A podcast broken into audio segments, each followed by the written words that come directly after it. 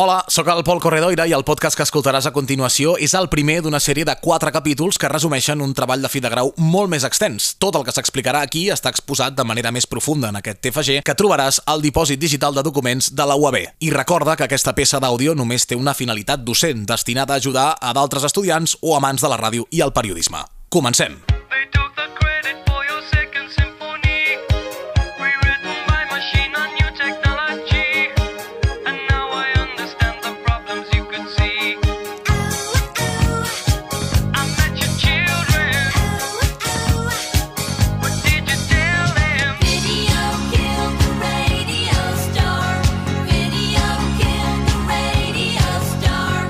L'any 1979, The Buggles popularitzava aquest Video Kill the Radio Star. El vídeo va matar l'estrella de la ràdio. I és que l'aparició de la petita pantalla no només va fer que poguessin veure si els locutors de ràdio eren lletjos o molt lletjos, sinó que va suposar un abans i un després pel que fa als mitjans de comunicació. La ràdio havia viscut sense competències fins aquell moment i va haver de reinventar-se perquè molts dels seus formats estrella tenien millors audiències a la tele. Oh, quina pena! La televisió no va matar la ràdio i juntes van conviure en una certa harmonia fins a finals del segle passat i sobretot principis de la dècada de 2010. M'agradaria que escoltéssiu una part del discurs que va pronunciar en Peyu, humorista i copresentador del programa El Búnquer de Catalunya Ràdio, que aleshores rebia el premi a millor programa de ràdio 2021. Jo crec que ens hauríem de preocupar i deixar-nos de felicitar tant de lo bé que ho fem, començar a pensar en que hi ha gent que fa potser més de 10 anys que els hem perdut, no? que són una canalleta que ara tenen 8, 10, 12 anys i que estan completament desconnectats dels mitjans de comunicació en català.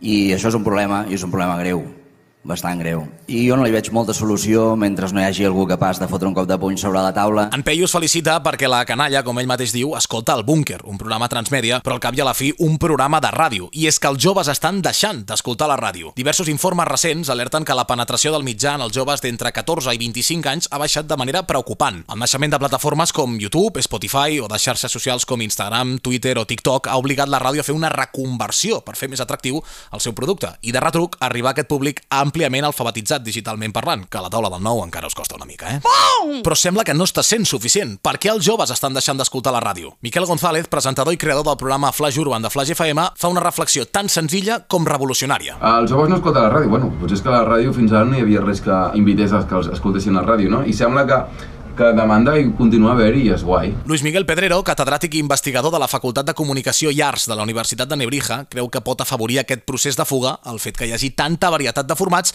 i que aquests competeixin ja no per tenir el major nombre de seguidors, espectadors o d'oients, sinó perquè el seu públic estigui amb ells el major temps possible. És a dir, no vull molts oients, sinó aquells que siguin més propers a mi. Llavors, per què és important la ràdio musical en l'era de l'Spotify i de TikTok? Vicent Argudo, director de cadenes musicals del grup Prisa, ha estudiat el paper de la ràdio en la construcció artística i ha arribat a una conclusió. La ràdio afecta, i molt, encara, en la creació i consolidació d'artistes. És possible que els joves no escoltin directament la ràdio, però sí que ho fan indirectament, a les botigues, al cotxe d'algun amic, a la discoteca, amb un DJ que sí que ha escoltat la ràdio per saber quines són les cançons de moda, etc etc etc. L'èxit de la ràdio musical del futur, segons Argudó, depèn de seguir sent respectada com a prescriptora d'èxits, encara que sigui fora de l'FM. I em va donar una anècdota realment brutal. En una conferència, una noia jove li va dir que ni ella ni les seves amigues escoltaven la ràdio. Llavors Argudó va fer-li una pregunta. Has anat mai als previs 40? Sí, respon. Ens segueixes a Instagram? Sí. Llavors ja està, ja ets oient de los 40. La ràdio no et satisfà com a producte, però tinc molts productes i mentre consumeixis algun d'aquests productes estaré tranquil perquè tindré futur. Què?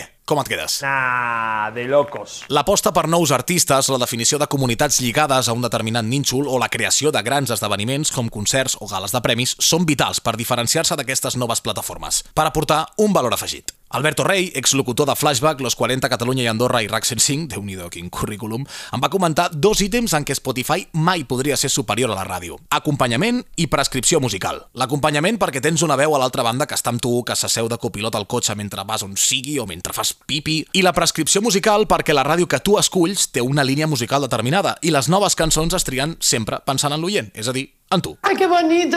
De fet, aquesta funció de prescripció, és a dir, de dir el que serà un èxit d'aquí unes setmanes o de descobrir quins són els artistes del moment, ha estat una de les funcions de la ràdio musical des dels seus inicis, també a Flash FM. Això farà catacrac. Crack, està clar que Spotify ha revolucionat la ràdio musical. El fet de poder triar tu mateix les cançons que vols escoltar ha suposat un abans i un després per la indústria musical, però hi ha funcions que no poden substituir la ràdio. La prescripció, l'acompanyament, la multiplicitat de productes o la definició de nínxols concrets d'oients són conceptes que posen de manifest la revolució de la ràdio en l'era d'internet i de les xarxes socials, tot per assegurar-ne la seva continuïtat i que internet no mati a la Radio Star.